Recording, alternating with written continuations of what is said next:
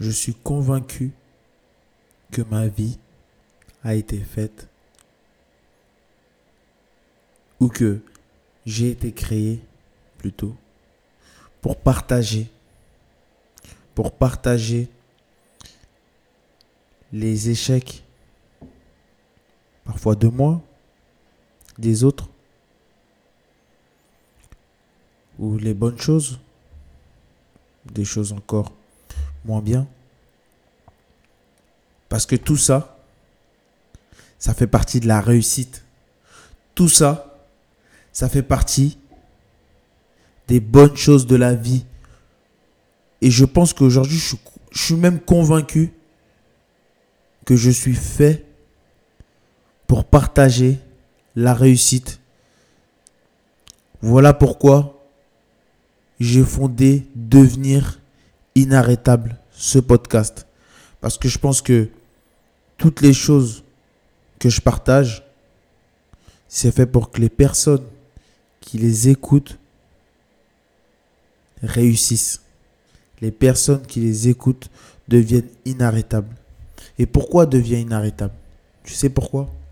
Parce que tous les jours, je me dis que je suis inarrêtable. Et je sais que toutes les personnes qui m'écoutent sont inarrêtables. Parfois, ils ne le, le savent pas. Les choses se travaillent.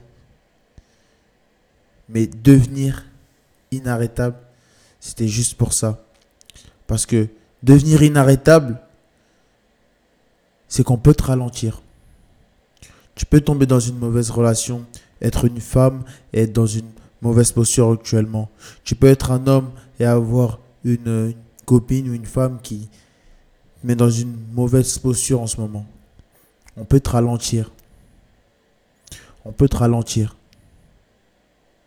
Mais on ne peut pas t'arrêter. Voilà pourquoi tu es inarrêtable.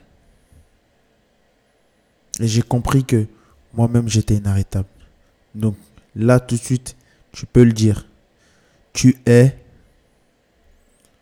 Voilà. C'est ce qui me fait plaisir. Et ensemble, avec ce podcast, on va aller vraiment loin. On va aller vraiment loin. Toutes les choses que je partage, c'est pour que vraiment les personnes qui les écoutent deviennent inarrêtables.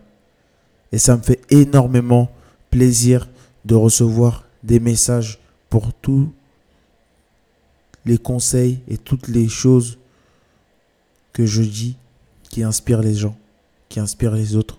Ça me fait plaisir. Et ensemble, on va devenir inarrêtable. Si vous l'êtes pas, ça se travaille et je sais qu'au fond de vous, vous l'êtes.